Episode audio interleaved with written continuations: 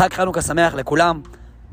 אם אתם רוצים לקנות מתנה לחבר או לחברה שלכם, איזשהו gift card, כרטיס טעון עם סכום כספי למימוש באיזושהי חנות, ביגוד או ספרים, לא משנה איזה.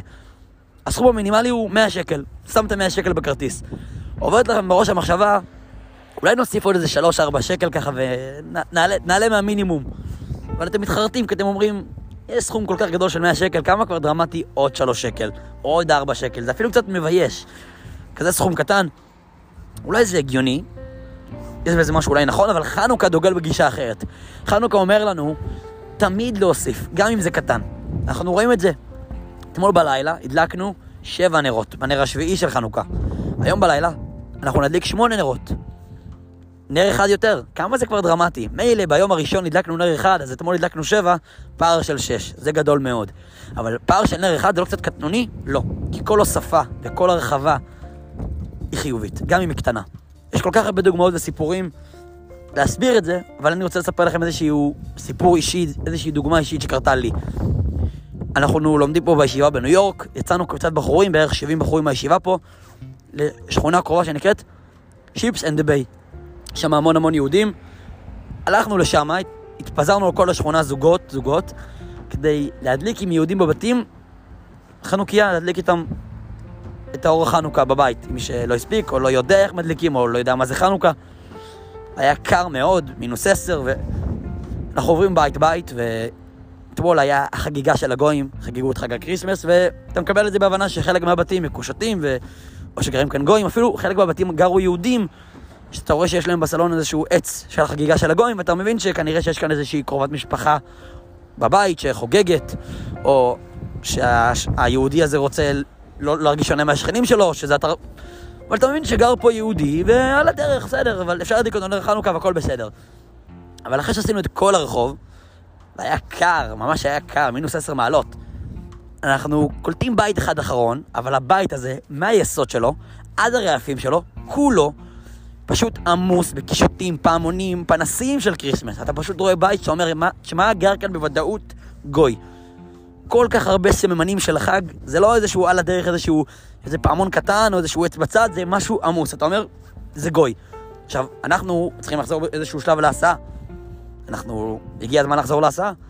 אנחנו לא רוצים לעכב אותה.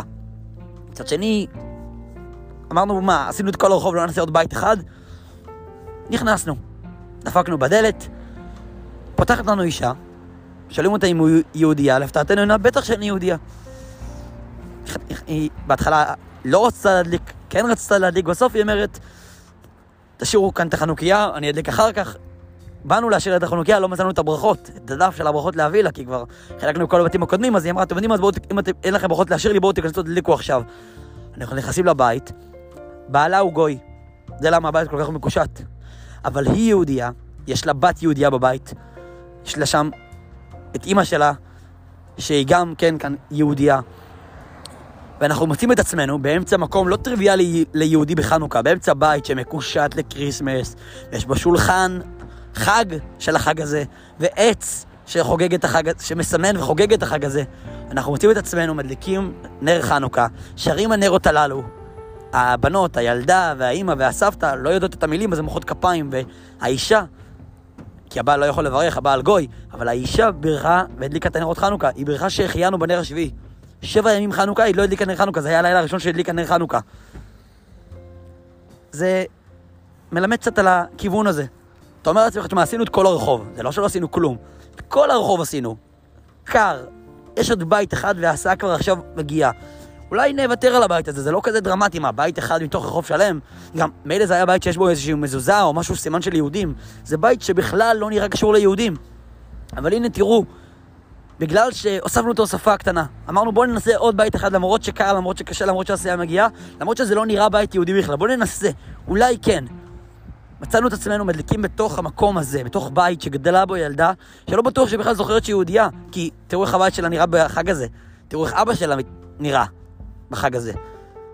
והנה, יכול להיות שהילדה הזאת, שינינו לה את החיים, יכול להיות שעוד כמה שנים, שהיא תגדל והיא תבוא להתחתן, היא לא תתחתן עם גוי כי היא תגיד, רגע, אני זוכרת שלפני כמה שנים הגיעו לבית שלי אנשים שהדליקו נר חנוכה והסביר, והסבירו לי אחרי זה למה מדליקים נר חנוכה, כי אני יהודייה. אם אני יהודייה אז אני לא רוצה להתחתן עם גוי. אין לנו מושג. הבחירה שלנו, הקטנה, ללכת לעוד בית אחד, אין לנו מושג מה היא עשתה, אבל אנחנו בטוחים שהיא הדליקה אור גדול במקום שהאור הזה לא היה בו. זה הכוח של הוספה קטנה. אגב, גם ברמה הטכנית לחלוטין, כשאתם מביאים gift card של 103 שקלים, במקום 100 שקלים אתם... יכול להיות שאתם תיפלו על מקרה שהילד מגיע לחנות ספרים, הוא רוצה לקנות ספר, אבל הספרים שהוא רוצה יעלו לו בדיוק 103 ספרים. בדיוק אין עליו כסף קטן. תחשבו לכם איזה נחמד זה, אה, ה gift card מכסה גם את השלוש שקל, הספר עולה 103, הנה קח 103. להוספה קטנה, גם קטנה, יש הרבה כוח. עכשיו כולנו נוסיף באור חנוכה, ברוחניות ובגשמיות בכל מקום, לכל אחד ואחת, תמיד, גם הוספות קטנות.